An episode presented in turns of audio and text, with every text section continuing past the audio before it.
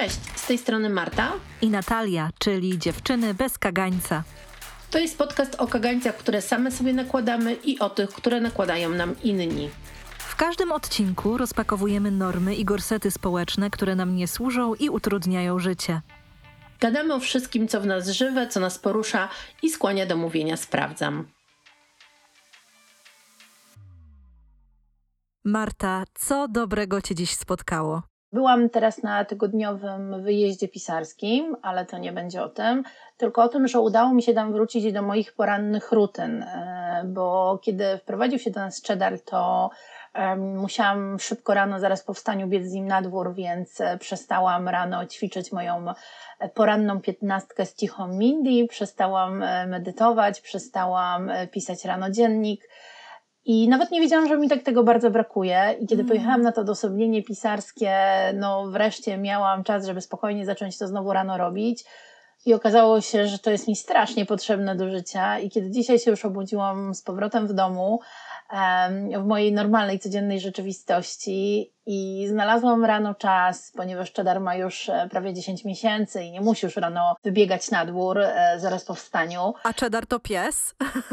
A Cheddar to pies i mogłam znowu usiąść na macie, puścić piętnastkę cichej Mindy, e, a potem usiąść z medytacją, a potem jeszcze usiąść z dziennikiem to nie wiedziałam, jaką to mi sprawia przyjemność, dopóki znowu nie zaczęłam tego robić. I wow. to mnie bardzo mocno uszczęśliwiło. I to jest ta dobra rzecz, która mnie dzisiaj spotkała. Zwykłe, codzienne, poranne rutyny, do których wracam. Czyli ten wyjazd był dla ciebie swego rodzaju resetem dla tych rutyn, które pozytywnie wpływały na twoją codzienność i trochę dzięki niemu mogłaś do nich wrócić? Czy tak mam to rozumieć? Dokładnie tak, dlatego że y, kiedy Cheddar e, był jeszcze mały i potrzebował porannego siku zaraz po naszym staniu, y, zrezygnowałam z tego i potem wiesz, jakoś ciężko mi było wrócić, jakby działo się życie, jak już wracałam z psem, to już byliśmy rozbudzeni, śniadanie, kawa, coś tam, coś tam.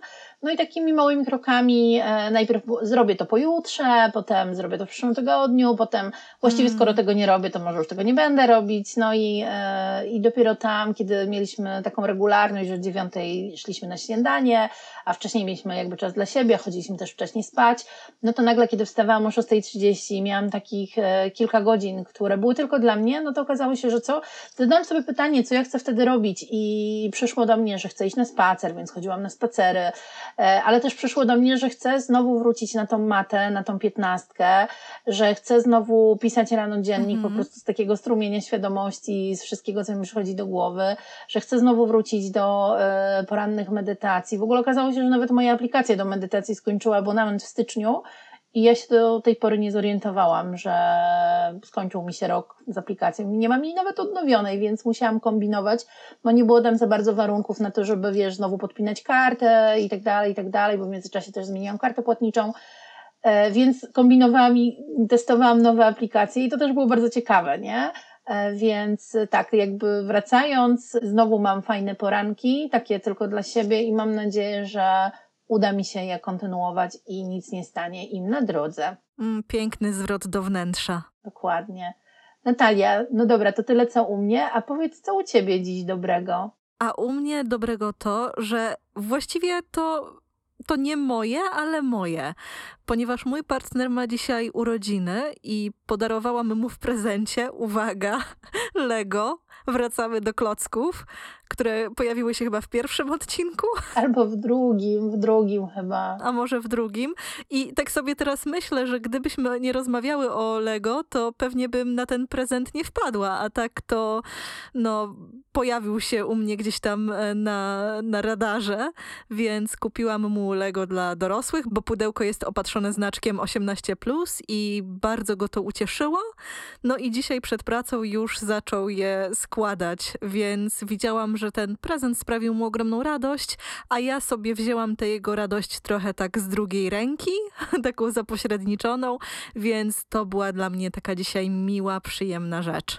Wow, bardzo jest to super, też ze względu na to, że udało Ci się zrobić coś, co ja osobiście bardzo lubię, a mianowicie znaleźć taki prezent, który szczerze ucieszył tą drugą osobę, bo jesteśmy już obie dorosłe, mamy dorosłych mm. partnerów, związku z tym mamy już też e, pewne zasoby rzeczy, przedmiotów, wrażeń, przeżyć ze sobą i nie wiem, czy ty tak, tak masz, mm. ale ja mam także trudno mi jest, albo trudniej niż te 10-15 lat temu, znajdować takie trafione w punkt prezenty, dlatego że też jakby mamy tą epokę takiego minimalizmu, żeby nie kupować dużo, żeby mieć ograniczoną ilość rzeczy.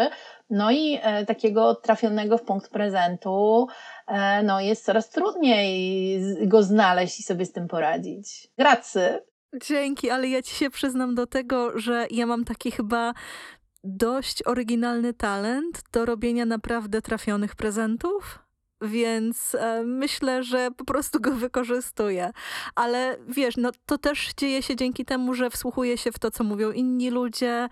Mm, też myślę, że dobrze dość znam mojego partnera i wiem, co sprawi mu przyjemność, więc to też mi bardzo, bardzo ułatwia zadanie i ja też wyłapuję takie, wiesz, mikroinformacje na temat danego człowieka, tego, co by chciał na przykład porobić. To też mi bardzo, bardzo dużo ułatwia. O, ładnie to powiedziałaś. Nie co chciałby mieć, tylko co chciałby porobić, co chciałby, ja to już rozszerzę mm. trochę, co chciałby przeżyć, nie? Że jakby tak. kierujesz się takimi e, szczegółami, które właśnie mogą mieć ogromne znaczenie w tworzeniu tych prezentów.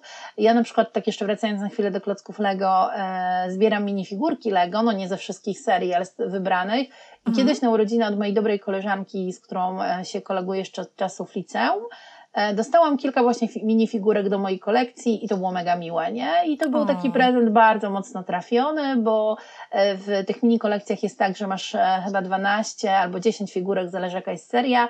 No idealnie jest trafić każdą, a to jest trochę jak kinder jajko, że kupujesz opakowanie i nie wiesz, co będzie w środku, więc mm. zebranie całej kolekcji jest trudne i Aśka zadała sobie trud, żeby E, zobaczyć, sprawdzić, dowiedzieć się, czego mi brakuje e, w tej mojej kolekcji, no i zamówić te poszczególne figurki, e, już takie, wiesz, otwarte, gdzie ktoś też mhm. być może nie trafił, no i uzupełnić moją kolekcję, to było bardzo miłe. Wow, no to też pokazuje, że ta osoba włożyła dużo wysiłku, nie tylko w to, żeby ten prezent zdobyć, ale też, żeby się poprzyglądać właśnie temu, co ciebie pasjonuje, co ciebie kręci i w jakiś sposób pomóc ci uzupełnić, pielęgnować hobby i uzupełnić kolekcję. Dokładnie tak. A skoro już zaczęłyśmy rozmawiać o tym przyglądaniu się, to dzisiaj będziemy się przyglądać odwadze. Dokładnie tak. Ten temat odwagi pojawił się u mnie e, w takim śmiesznym miejscu i w taki śmieszny sposób, bo kilka miesięcy temu zrobiłam sobie e, różowe włosy. Mhm. I kiedy zrobiłam sobie te różowe włosy, to usłyszałam od kilku e, kobiet e, bliskich mi, z którymi jesteśmy w różnych relacjach, że wow, co za odwaga e, zrobienie sobie tych różowych włosów. Marta, ja się śmieję, dlatego że ja też miałam bardzo długo różowe włosy, a potem też takie różne eksperymentalne połączenia kolorystyczne, co zawdzięczam e, moim fryzjerom. I spotkało mnie dokładnie to samo, że ktoś podszedł do mnie i mówił mi o odwadze ze względu na posiadanie różowych włosów. I to było też takie ciekawe, że na weselu mojej szwagierki podeszła do mnie jedna z jej koleżanek, przyjaciółek i też powiedziała, że dla niej w jej interpretacji takim dużym aktem odwagi jest to, że przyszłam na to wesele z tymi moimi różowymi włosami i w różowej sukience. Także. Wow. próg odwagi. Wyobrażam sobie, jak ściągasz swoje różowe włosy, żeby e, jednak nie mieć różowych włosów do różowej sukienki. To musiałoby być e, bardzo zabawne. Mm. Natalia, czy dla ciebie posiadanie różowych włosów było aktem odwagi? Czy ty jakby wewnętrznie tak to czułaś, że Boże, jaka jestem odważna, robię sobie różowe włosy? Absolutnie nie. No ale wiesz, odbijam piłeczkę. Czy dla ciebie to był akt odwagi? Nie, no właśnie nie. I wiesz, co mnie bardzo zaskoczyło? Zaskoczyło mnie to, że o tej odwadze mówiły do mnie kobiety, które na przykład podziwiam, bo mhm. mają e, bardzo już taką wykrystalizowaną zawodową drogę, są w tej drodze zawodowej na przykład odważne, albo mają bardzo odważne pasje, albo bardzo dużo uwagi e, wkładają w jakieś swoje zainteresowanie, w rozwijanie się i jakby absolutnie nie myślałam, że dla nich to może być dowodem mm. jakiejś odwagi, nie? Raczej, że to jest takie zupełnie normalne. No, idę do fryzjera, yy, mówię, że chcę mieć różowe włosy i wiem, że to jest też proces odwracalny, więc wiesz, niczym nie ryzykuję, więc jakby gdzie tu odwaga? No właśnie, E, I wtedy zaczęłam się zastanawiać, no, czym ta odwaga tak naprawdę dla nas jest, skoro różowe włosy nazywamy odwagą. Mm. Wiesz co, ja sobie myślę, że w kontekście na przykład nietypowych kolorów włosów czy aparycji, tym aktem odwagi, i to jest moja fantazja na temat tego, jak myślą o tym inni ludzie, że to oznacza, że masz taką gotowość na bycie zauważoną. A dla niektórych osób bycie zauważanym na przykład na ulicy czy w jakichkolwiek innych miejscach być może jest taką sytuacją zagrażającą. I wiesz, ja sobie to w ten sposób interpretuję, że być może tym aktem odwagi jest pozwolenie sobie na bycie widzianą w tłumie. Jak myślisz? Z pewnością e, różowe włosy dają ci na ulicy pewną rozpoznawalność. Mimo tego, że tych e, osób dzisiaj z różowymi włosami jest już trochę na ulicach różowymi, fioletowymi, niebieskimi, granatowymi, e, to tak. ja miałam takie wrażenie i kilka razy na początku tych moich różowych włosów złapałam się na tym, że na przykład miałam takie wrażenie, że ktoś się na mnie patrzy. Obracałam się, czy tam patrzyłam na tą osobę i faktycznie ona na mnie patrzyła i moja taka pierwsza myśl była, jejku, może mi się kiecka podwinęła, a może mm. jestem gdzieś brudna, może mam rozpięty plecak i dopiero po chwili docierało do mnie, że prawdopodobnie chodzi o to, że mam te różowe włosy.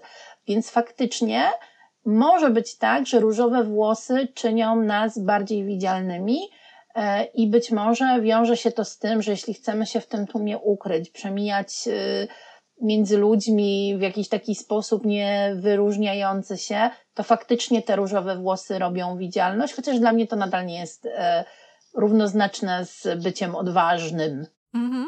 Wiesz co, ja w kontekście kolorów włosów mam bardzo podobne doświadczenia i ja sobie to interpretowałam tak przez pierwsze okresy, że ludzie się patrzą, bo ja mam takiego ładnego psa. Też mogło tak być, bo masz ładnego psa. To była moja pierwsza myśl, a potem sobie uświadamiałam, że na przykład ktoś mnie pamięta w sklepie i wita mnie jak starą znajomą.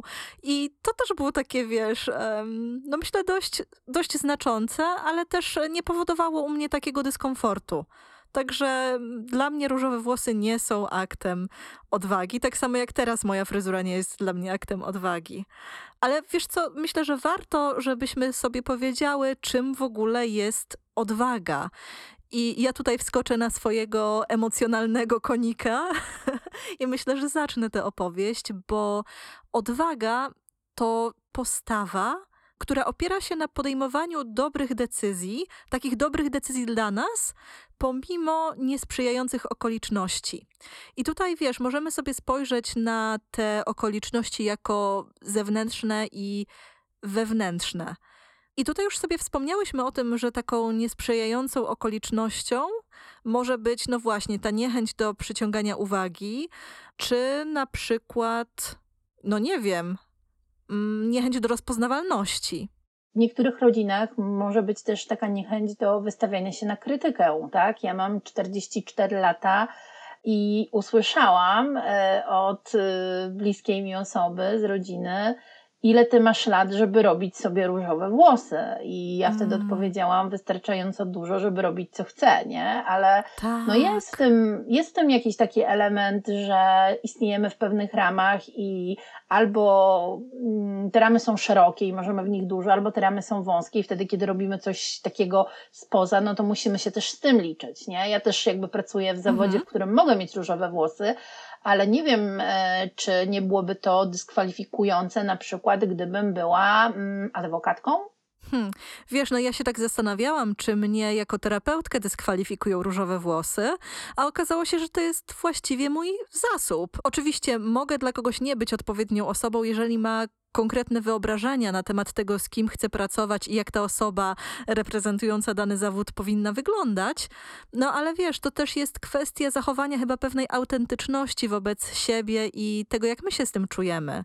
Myślę, że podejmowanie takich decyzji dotyczących imidżu też czasami może być odwagą ze względu na umiejętność lub brak umiejętności konfrontowania się z e, tym, co może być nieprzyjemne, czyli na przykład reakcjami, czyli na przykład, że ktoś mi powie, ale jak to taka terapeutka z różowymi włosami? Tak, to nie musi dotyczyć tylko włosów. Ja się spotkałam e, z sytuacją, oczywiście ona podlega wszystkim e, zapisom e, związanym z dyskwalifikacją, że osoba pretendująca na stanowisko do bankowości została poproszona o wyjęcie z uszu tuneli, czyli tych takich dużych mhm. kolczyków, które robią tam taką wielką dziurę czy też jakby wiele firm ma jakieś swoje e, zapisane dress cody, w których jakby jest jasno powiedziane, w czym możesz, a w czym nie możesz, tak? Mhm. I być może jakieś tatuaże w widocznych miejscach, czy w ogóle kolczyki w, też w różnych miejscach ciała, nie tylko w uszach, albo duża ilość w, w uszach, no powoduje, że może być to w niektórych e, profesjach powód do dyskryminacji. Tak jest i ja też mam na swoim koncie doświadczenia w, z pracą w korporacji, gdzie w moim kontrakcie było zawarte, że nie mogę mieć nienaturalnego koloru włosów. To też było w jakiś sposób regulowane, więc oczywiście nie każdy sobie może pozwolić na akty odwagi, na zauważalność związaną z imidżem i wyrażanie się w ten sposób. No właśnie, ale powiedziałyśmy obie, że dla nas też ze względu na to, w jakich jesteśmy profesjach, w jakich żyjemy środowiskach, zrobienie różowych włosów nie do końca było dowodem odwagi. Ale co by było, Natalia, dla ciebie takim dowodem odwagi, że wtedy faktycznie poczułabyś, że jesteś odważna? I czy jesteś odważna? Wiesz co, to jest bardzo trudne pytanie, bo tak jak wcześniej zaznaczyłam, odwaga jest wtedy, kiedy robimy coś pomimo jakiegoś lęku, czyli też pomimo pewnych przewidywanych nieprzyjemności, nieprzyjemnych konsekwencji. Natomiast uznajemy, że ten lęk jest znacznie mniejszy niż ta nagroda, niż perspektywa nagrody i emocje z nią związane, która czeka nas na końcu. No i tą nagrodą może być właśnie taka możliwość wyrażenia siebie, podążenia za swoją pasją, za swoim powołaniem, za czymkolwiek. I oczywiście temu może towarzyszyć lęk, jeżeli na przykład podejmujemy decyzję dotyczącą zmiany kariery, czy jakieś takie duże kroki. No ale wtedy wiemy, że to, co czeka nas na końcu, czyli na przykład to dobre życie, życie w zgodzie ze sobą, jest takim czymś mocno nagradzającym, mocno spełniającym. I tutaj odpowiadając na Twoje pytanie, bo zastanawiam się, kiedy tak mówię, czy są jakieś obszary, w których poczułabym, że jestem odważna, to z jednej strony myślę sobie, że jest ich kilka, a z drugiej strony myślę sobie, że nie. Ja mam takie doświadczenia, że też na przykład, jeżeli chodzi o moje wykształcenie związane z terapią, ja się tym zajęłam dość późno w życiu.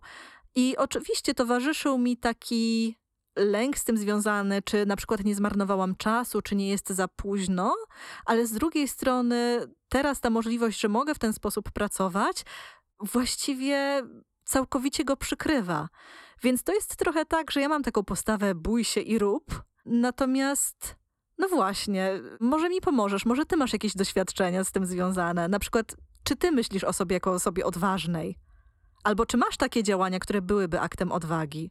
Słuchaj, to jest bardzo ciekawe pytanie, ponieważ ja sobie myślę, że jestem absolutnym zającem, który zupełnie nie jest odważny. Aha. I nawet jak robię rzeczy takie, które wydają mi się bardzo duże z perspektywy pokonywania własnych strachów, straszków mhm. i lęków, to za chwilę mam takie, e, właściwie nic takiego, no zobacz, zrobiłaś super, udało się, no o czym tu mówić, nie? Więc e, teraz myślę o tym wyjeździe, z którego przed chwilą wróciłam i samo pojechanie na taki wyjazd jest trochę jednak e, dowodem pewnej odwagi, no bo decydujesz się jechać e, na wyjazd z grupą zupełnie obcych ci nieznanych ludzi, trochę obnażać się tam swojej twórczości, no bo to był wyjazd pisarski, więc myśmy pisali, czytali, e, dzielili się doświadczeniem i wiesz, tych obszarów, w których można było odczuwać swoją odwagę albo brak odwagi, było naprawdę dużo.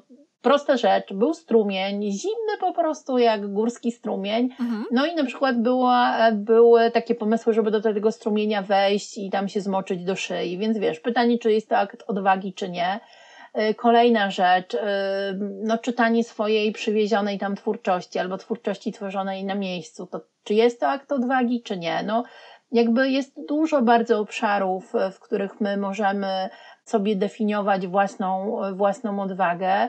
I myślę, że jest bardzo ważne to, co ty powiedziałaś wcześniej, do czego ja wrócę, że tak naprawdę to jest bardzo wewnętrzne albo bardzo zewnętrzne, że nasza, o naszej odwadze mogą decydować te dwa czynniki. Mhm. Mam taki przykład.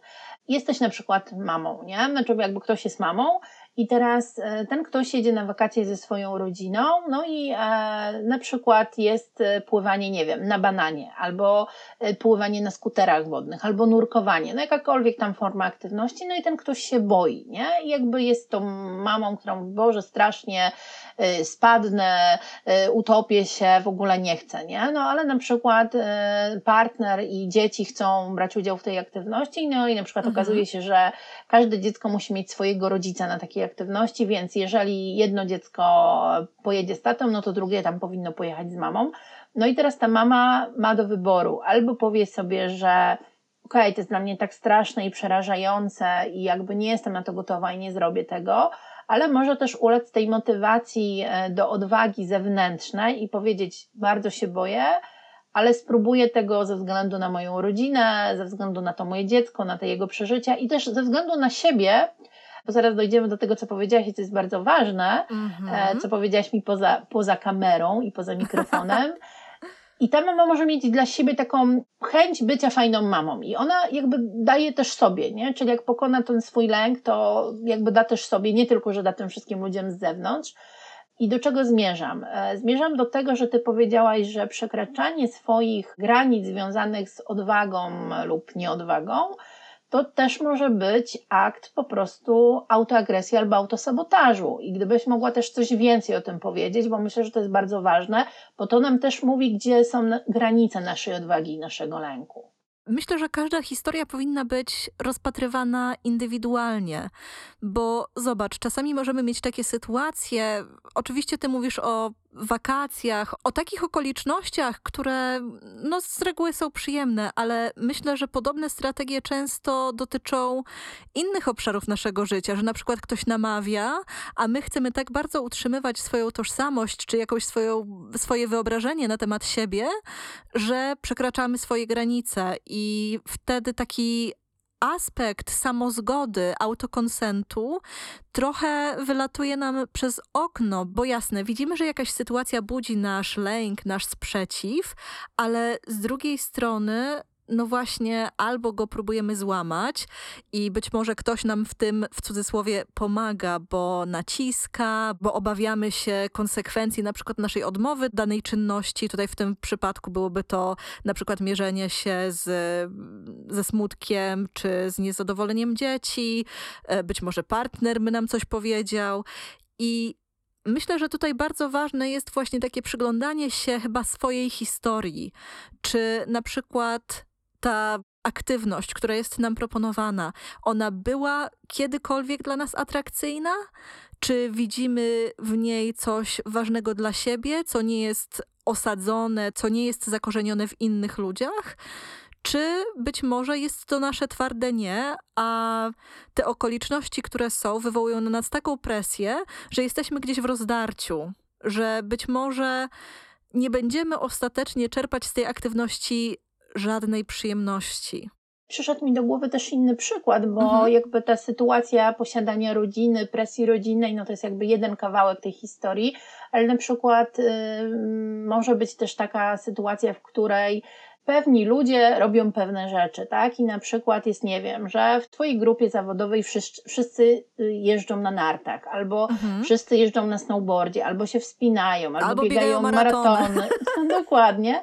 E, albo na przykład jedziesz z grupą znajomych, takich trekkingujących na Islandię, no i nagle oni wszyscy wspinają się na jakiś e, szczyt góry albo na półkę skalną, a ty wcale nie masz ochoty. Więc jakby to nie musi być ta sytuacja związana z dziećmi i rodziną, to może być, wiesz, milion innych sytuacji, w której się znajdujemy na co dzień, w których właśnie jakby jest jakaś sytuacja, której my się obawiamy, której się boimy, której nie chcemy, ale z drugiej strony ten nacisk i ta presja zewnętrzna, powoduje, że zaczynamy się jakby powoli łamać i dochodzimy do takiego momentu, w którym może jakby warto jest to rozważyć chyba na tych dwóch płaszczyznach. Czy dojdzie tu do jakiegoś e, autosabotażu, czyli zrobię to, ale w ogóle nie będę czerpać z tego przyjemności i już do końca wyjazdu będę mieć gulę w gardle i nie będzie fajnie, mm. ale zrobię to, czy znajdę w tym dla siebie coś, jakąś przyjemność, jakąś radość z tego, że poszerzam swoje granice albo wychodzę z tej swojej strefy komfortu, i to wtedy może ma sens, bo wydaje mi się, że taka odwaga za wszelką cenę jest głupia i nie ma sensu. A myślisz o odwadze za wszelką cenę, czy na przykład o brawurze? Nie, no myślę jeszcze o odwadze, bo brawura to chyba będzie ta sytuacja, w której nie patrzysz na konsekwencje, nie? Mhm. Czyli mówisz, hej, do przodu, wszyscy tu skaczą, ja też skoczę, nieważne, czy tam Mhm. jakby spadam na twarz, czy, czy nie. No. Ja mówię o tej odwadze, no jakby, że robisz rzeczy bezpieczne, co do których masz jakby świadomość tych konsekwencji i tak dalej, no ale jednak nie masz takiej wewnętrznej zgody do końca, takiej na 100%, żeby to zrobić. To myślę, że warto, żebyśmy porozmawiały chwilę o elementach, czyli o takich częściach składowych odwagi, bo myślę, że one też pomogą nam trochę rozpakować te różne sytuacje, w których możemy mówić o odwadze. No bo te komponenty to intencjonalność pewnego działania, czyli ja podejmuję działanie, ja podejmuję decyzję, ja to wybieram. A nie inni wybierają za mnie i wrzucają mnie w jakieś okoliczności, czyli ten pierwszy element. Jejku, wspaniałe, czy możemy się tu na chwilę zatrzymać? Zatrzymajmy się. Intencjonalność działania, czyli wybór. Mm. Bo czasami ja mam takie wrażenie, że mm, część z nas nie chce przyjmować odpowiedzialności za rzeczy, które robi i mówi tak, no ja wcale nie chciałem tam na tą górę wchodzić, na tą półkę skalną, ale tam inni e, wchodzili, no to ja też wszedłem, nie? Ale nie było tam mojej woli, więc ta intencjonalność to jest taki chyba ważny element naszej rzeczywistości, kiedy my dokonujemy wyboru i podejmujemy pewne decyzje, bo to nas trochę osadza w tym, że bierzemy za to konsekwencje. Dokładnie tak. Że my to przyjmujemy z taką świadomością i z tak zwanym dobrodziejstwem inwentarza. I to jest ten pierwszy element odwagi. Tak. No i właśnie, żeby była odwaga, to jeszcze muszą być trzy. Wiesz, bo to też jest e, kwestia teoretyzowania na temat odwagi i myślę, że czasami warto się poszczególnym emocjom, postawom i stanom emocjonalnym przyglądać z perspektywy takich komponentów. Więc takim kolejnym komponentem odwagi byłby lęk przed podjęciem tego wybranego działania. I wiesz co, ja teraz sobie myślę, bo jak tak rozmawiałyśmy o sytuacji pływania na bananie i tym wszystkim, to przypomniała mi się sytuacja mojej odwagi. I jak to wyglądało? To może ja teraz opowiem, a potem będziemy rozmawiać dalej. E, bo dla mnie takim aktem odwagi było pływanie na supie. Czyli na desce, na której się stoi i macha wiosłem. Moje wielkie marzenie, jeszcze tego nigdy nie zrobiłam, ale kiedyś to zrobię. No to słuchaj, byłam w takiej sytuacji, że lata temu byliśmy z moim partnerem na Majorce, no i tam można było popływać w morzu właśnie na takiej desce, a ja nigdy wcześniej tego nie robiłam. Natomiast na morzu były takie fale, że ja się zbyt bałam podjąć to ryzyko, żeby czuć się pewnie. Więc powiedziałam partnerowi, żeby poszedł sobie sam, no ale on się wtedy, wiesz, wrzucił w taką sytuację, że albo razem, albo wcale, no to wcale nie pływał. A on regularnie jakby oddaje się temu sportowi. No i po raz pierwszy poszliśmy razem na lokalnym jeziorze. Wynajęliśmy te deski i dla mnie aktem odwagi było to, że ja na tej desce pływałam, ale na swoich zasadach. Bo ja jak pływam na desce, to nie stoję, tylko siedzę.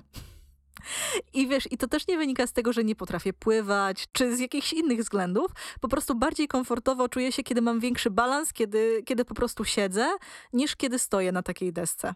I dla mnie to jest odwaga. No i to jest jak najbardziej okej. Słuchaj, ja bym tylko chciała powiedzieć, co pewnie wiesz, ale może powiem to też innym, nie tylko tobie, to jest jak najbardziej okej robić rzeczy na swoich zasadach, bo my mamy do tego prawo i absolutnie nie musimy się tego wstydzić, ani, ani wiesz, mieć spuszczonej głowy, że o Jezu, to ja nie jestem aż tak bardzo odważny. Więc jak najbardziej twój sposób i to, że ty poszłaś na pewien kompromis, czyli powiedziałaś, ok, chcę tego spróbować, jestem tym zainteresowana, no ale bez jaj, nie na morzu i na pełnych falach. No, dokładnie tak.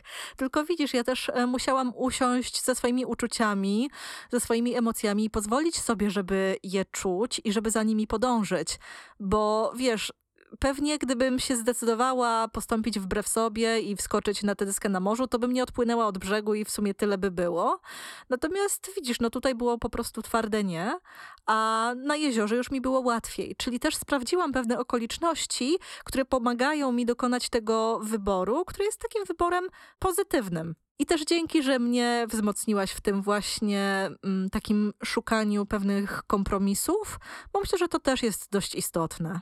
Powiedziałaś tutaj jeszcze jedną bardzo ważną rzecz, a mianowicie to, że y, jeżeli czujemy takie twarde nie, to warto jest się spotkać ze swoimi uczuciami, zaprosić je do stołu i zobaczyć, na co jest to takie nasze twarde nie, bo może przy wypadku Mhm. tego pływania na bananie, hipotetycznego pływania hipotetycznej rodziny na bananie, mamy sytuację, w której twarde nie jest na to, że jednocześnie muszę zajmować się sobą i dzieckiem i nie mam w sobie na tyle zasobów, ale gdybym pierwsze pięć razy jechała, płynęła sama, a potem musiała się zajmować dzieckiem, to może byłoby mi łatwiej i inaczej, nie?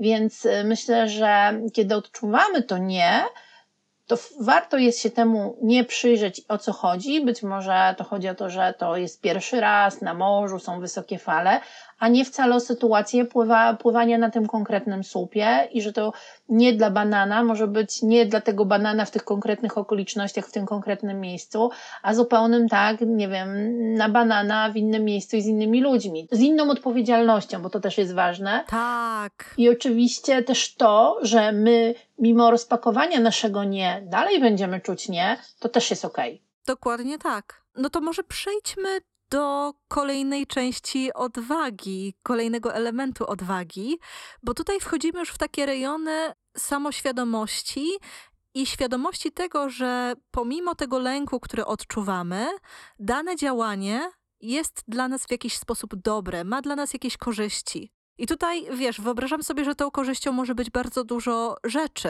To może być na przykład miłe spędzenie czasu, to może być lepsze poznanie siebie, to może być zdobycie jakiejś umiejętności i tak dalej, i tak dalej. Więc myślę, że ta korzyść tutaj powinna być, myślę, taka dużo silniejsza, dużo intensywniejsza niż właśnie ta perspektywa strachu.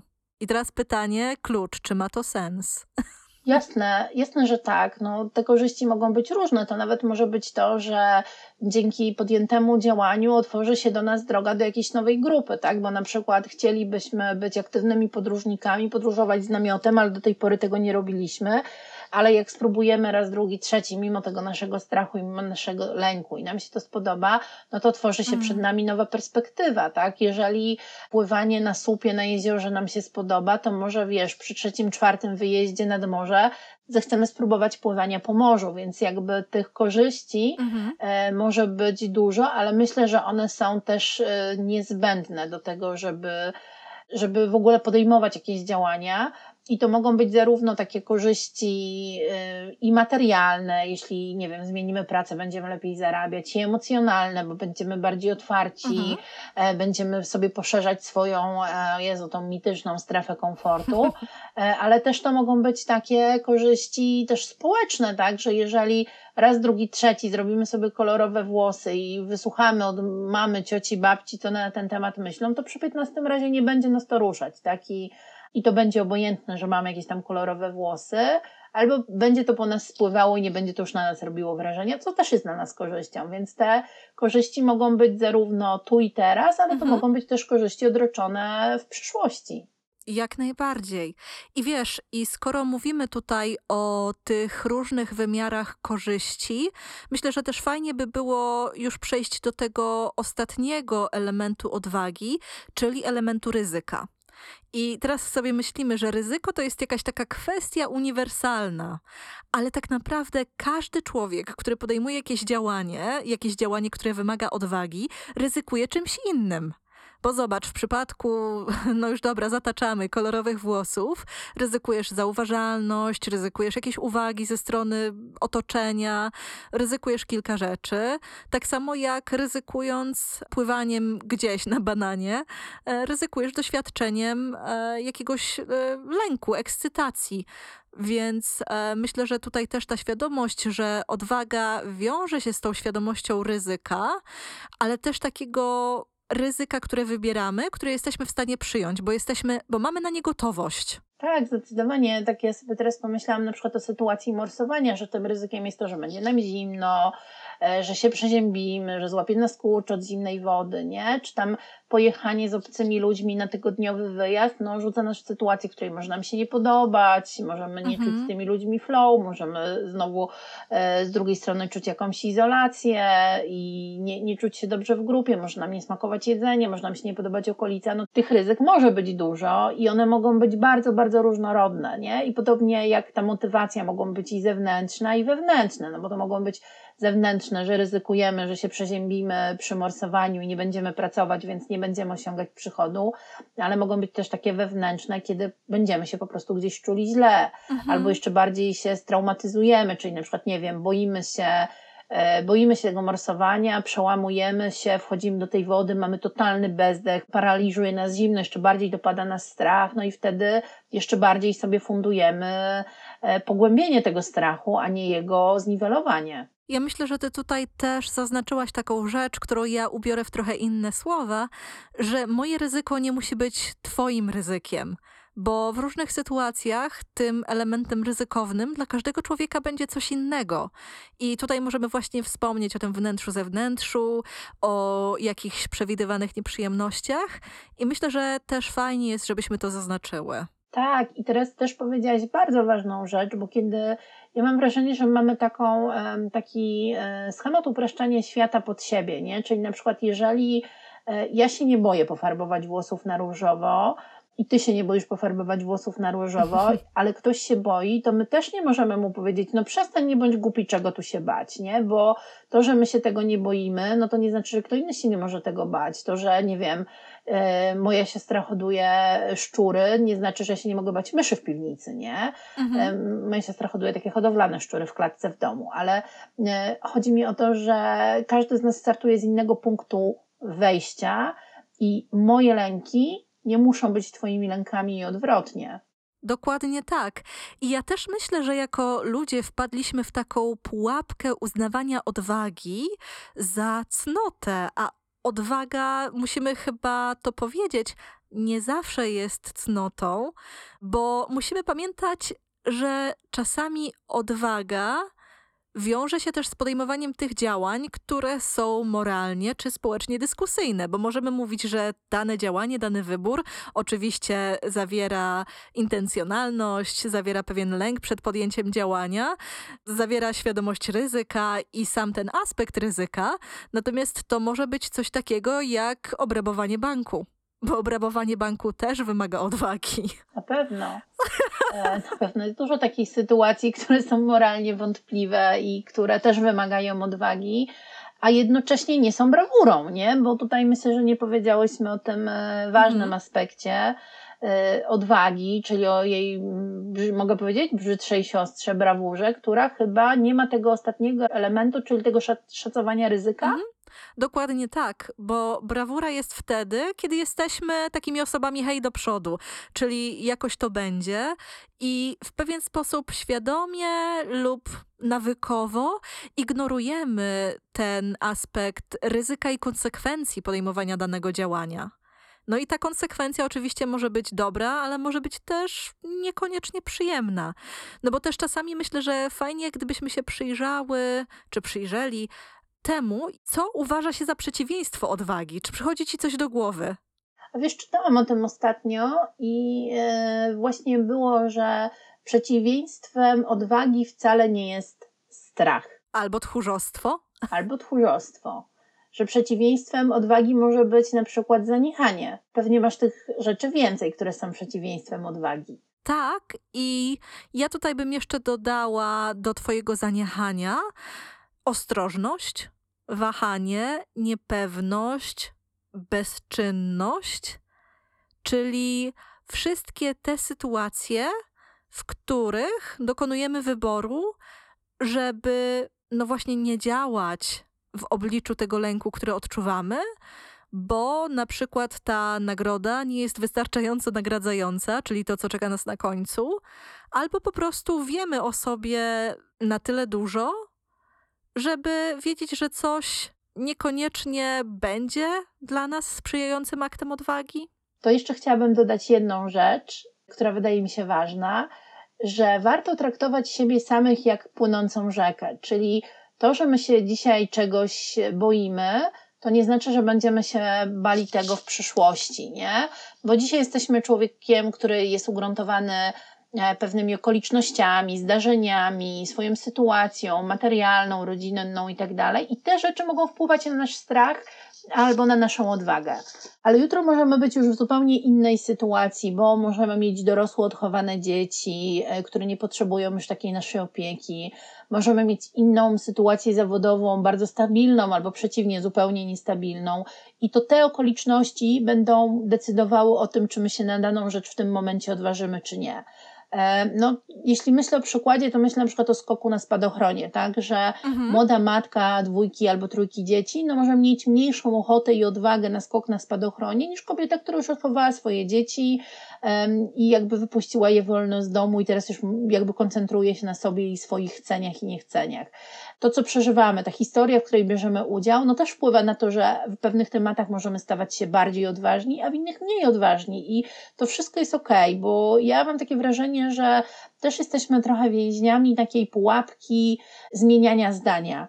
Że ale jak to? Przecież nie wiem, nie lubisz tańczyć. Dlaczego nagle chcesz iść tańczyć? Przecież ty nie lubisz tańczyć. Nie, nie, nie, zawsze mówiłaś, że cię to nie pociąga, nie lubisz, nie masz odwagi, a nagle chcesz, nie? No bo się zmieniłam i jestem inną osobą mhm. i powinniśmy dawać sobie to przyzwolenie, żeby się zmieniać, ale też ludziom wokół nas. Czyli mówisz o tym, że wiele osób nie ma takiego pozwolenia, czy to wewnętrznego, czy zewnętrznego, na to, żeby zmienić zdanie, żeby zmienić opinię?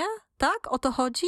Tak, i dla mnie to jest też związane z tą odwagą, że być może dziś, nie wiem, odważyłabym się na tatuaż czy różowe włosy, ale ponieważ zawsze mówiłam, że tatuaże są głupie albo różowe włosy robią sobie tylko osoby, które się pogubiły w życiu, to nie mogę tego zrobić, no bo jakby to wyglądało, nie? A chcę, zmieniłam się, jestem inną osobą, ale, ale nie daję sobie tego przyzwolenia. I mam wrażenie, że jako osoby żyjące w pewnych stadach, grupach, no możemy mieć z tym problem.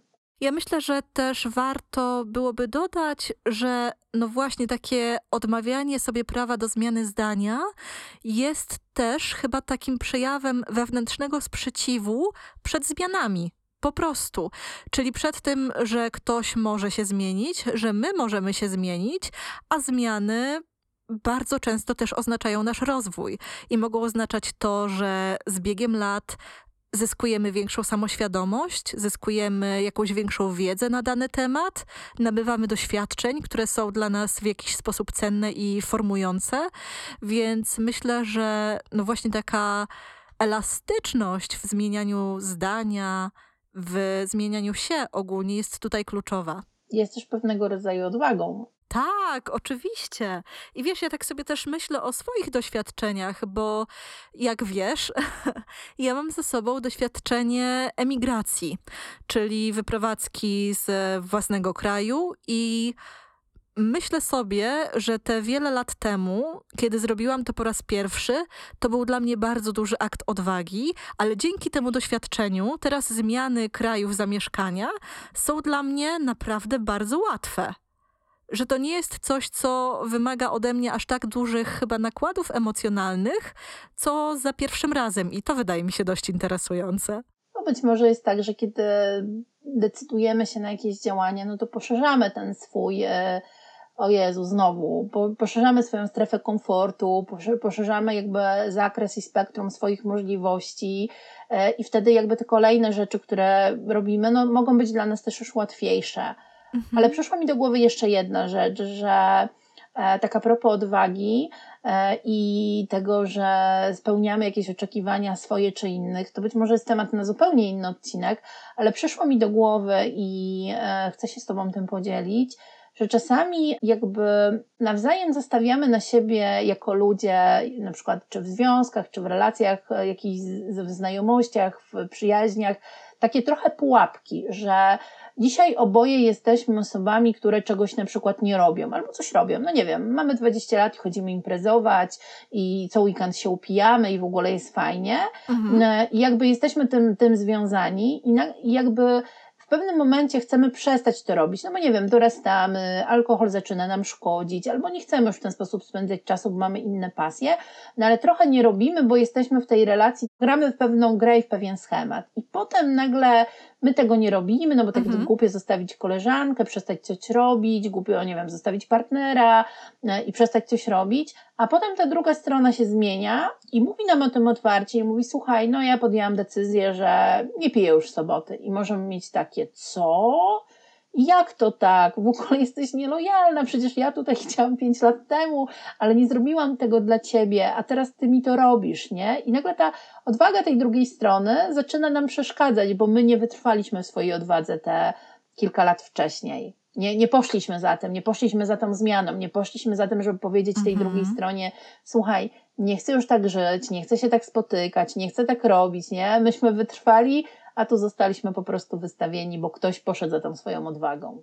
Mm, wiesz co, myślę, że tutaj padło to ważne słowo, czyli lojalność, bo myślę sobie, że tym, co utrudnia nam odważne postępowanie, są tak zwane ukryte albo nieuświadomione lojalności. I być może w tej sytuacji, którą podałaś, czyli moja lojalność wobec mojego związku, drugiej osoby, z którą ten związek tworzę, polega na tym, że postępuję w zgodzie z tym schematem, który sobie utarłam, albo które sobie wypracowaliśmy wspólnie, ale też taką ukrytą lojalnością może być to, że na przykład w domu przekazywano mi to, że źle się jest wyróżniać, że lepiej się wtopić w otoczenie i w związku z tym ja zachowuję lojalność wobec tych przekazów, na przykład no właśnie nie wyróżniając się wyglądem, czyli nie noszę pstrokatych kolorów, nie robię sobie widocznych tatuaży, piercingów itd., itd., bo dla mnie no właśnie coś w tej więzi, wobec której mam lojalność, jest tak mocne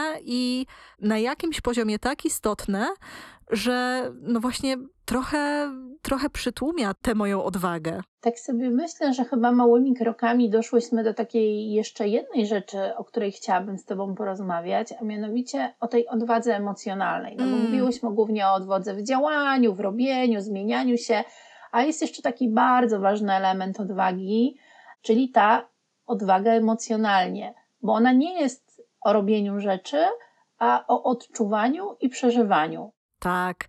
I tutaj znów wsiadamy na konika patataj, bo no wiesz, jakby emocje są tym, co mnie zajmuje, co mnie interesuje.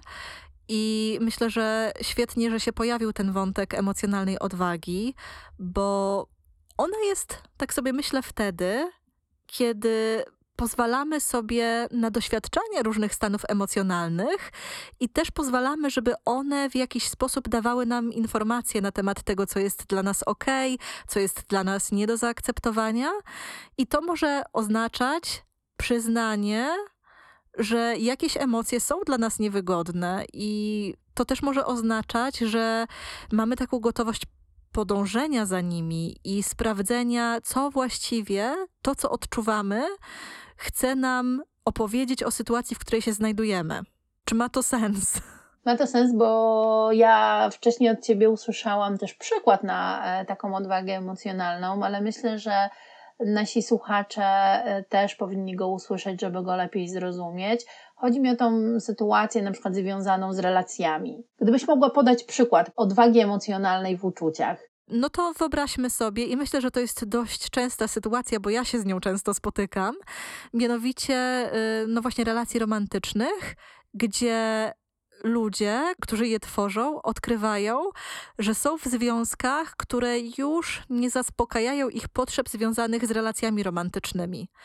I to nie są te sytuacje, w których jest coś niedobrego, typu przemoc czy jakieś nadużycia, bo często dotyczy to sytuacji wprost przeciwnych, na przykład tego, że w danej relacji jest ogromna przyjaźń, jest sympatia, są wspólne zobowiązania i wspólna miłość do dzieci, zwierząt i tak dalej, ale na poziomie emocji i na poziomie też doświadczania tej relacji czegoś im brakuje. I wówczas taką emocjonalną odwagą jest usiąść z tą emocją, która sprawia, że coś jest nie tak i rzeczywiście się z nią połączyć, rzeczywiście się jej przyjrzeć, a nie na przykład uciekać w te emocje, które ją mają zamaskować.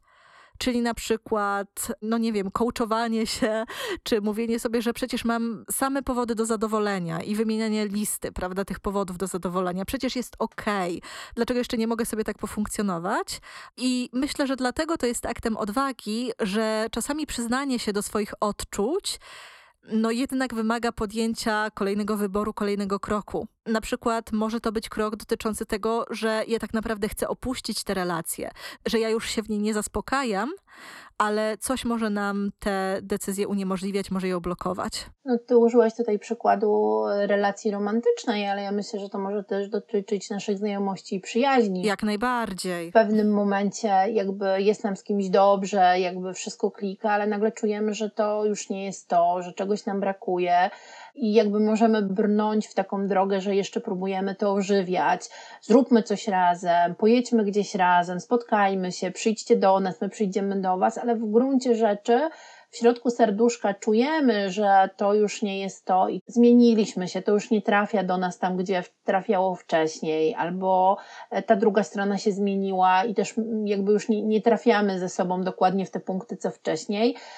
No i pojawia się też takie uczucie żalu, nie? że żal jest to zakończyć mhm. i wtedy wyciągnięcie tej odwagi emocjonalnej, tego, żeby spojrzeć na to bez żadnych takich zakłamań i zafałszowań, no to też jest ogromny dowód odwagi takiej dojrzałości chyba wewnętrznej. Zgadzam się z Tobą w stu procentach. Więc może podsumujmy to, co dzisiaj się tu pojawiło, bo myślę, że pojawiło się sporo ważnych wątków, i dla mnie takim pierwszym istotnym było to, aby nie mylić odwagi z brawurą, czyli właśnie mieć świadomość, że jest element ryzyka, jest element lęku, jest element konsekwencji i te konsekwencje to oczywiście też nagroda i jest element działania. Pozwól Natalia, że ja zacytuję też zdanie, które zapisałeś w naszych notatkach do odcinka, bo ono mi się bardzo podoba, a mianowicie, że odwaga nie rodzi się tam, gdzie nie ma strachu, ale tam, gdzie nagroda za podjęcie jakiegoś działania wydaje się ważniejsza i mocniejsza niż ten strach. Bo to jest dla mnie też takie podsumowanie tego odcinka, że odwaga nie oznacza, że się nie boimy, tylko odwaga oznacza, że wiemy, że wiemy, czujemy, chcemy tego, e, tak bardzo, że jest to dla nas w tym momencie cenniejsze niż ten strach i może dotyczyć i sytuacji teraz, że teraz nam się to od razu zmaterializuje w postaci korzyści, ale też tego, że kiedyś nam się to zmaterializuje w postaci jakichś korzyści. No dobrze, to jak już mnie zacytowałaś, to może ja zapytam, co dla siebie zabierasz z dzisiejszego odcinka? Jakąś refleksję, jakiś pomysł na koniec? No to słuchaj, ja zabieram takie, wydaje mi się, ważne rzeczy Przede wszystkim to, że nie ma odwagi uniwersalnej. Dla kogoś odwagą będzie zrobienie różowych włosów, a dla kogoś innego skok na bungee. I takie upraszczenie, że ja to zrobiłem, więc w ogóle nie wiem, czego ty się boisz, no jest bardzo krzywdzące i niesprawiedliwe, bo to, co dla nas jest łatwe, dla kogoś może być trudne. I vice versa. Dokładnie. I kolejna rzecz, którą zabieram, to to, że każdego dnia jesteśmy nowymi ludźmi i że absolutnie nie musimy trwać w swoich strachach i straszkach i na zasadzie jak się kiedyś bałem latać samolotem, to już nigdy, przenigdy nie polecę, nigdzie, bo może moje obecne doświadczenia spowodowały to, że boję się mniej, albo mam sobie to przekonanie, że korzyści są dla mnie ważniejsze niż ten strach, który odczuwam. I kolejna rzecz, którą wydaje mi się, że nie zabieram z odcinka, tylko do niego wnoszę, to jest to, że to, co nam może pomóc w szacowaniu tej naszej odwagi i w poszerzaniu swoich granic, no to jest trochę analityka. Ja jestem człowiek Excel, ja bardzo lubię, więc jeżeli e, spotykam sytuację, w której się czegoś bardzo boję, to rozkładam trochę to, jak ty rozkładałaś to swoje pływanie na słupie po morzu, e, czego ja się tak naprawdę boję, nie? Czy boję się tego, że są wysokie fale, czy boję się tego w ogóle, że nie lubię wody, nie chcę, bo czasami rozłożenie tego na elementy pomaga nam zobaczyć, czego my się tak naprawdę boimy i czy chcemy z tym coś w tym momencie zrobić, czy nie. A jeśli nie chcemy, to też jest ok. Myślę, że to wspaniałe podsumowanie i ja nic mądrzejszego nie dodam, jak taką radość, że pojawiło się tu też nazwanie pewnych aktów nie jako odwagi, ale jako agresji, czy autoagresji, czy autosabotażu, bo to też chyba jest dość istotne. Także bardzo dziękuję Ci za naszą dzisiejszą rozmowę. Natalia, ja też bardzo dziękuję i do usłyszenia. To były Dziewczyny bez kagańca. Subskrybuj nasz podcast i podaj go dalej. Do następnego razu.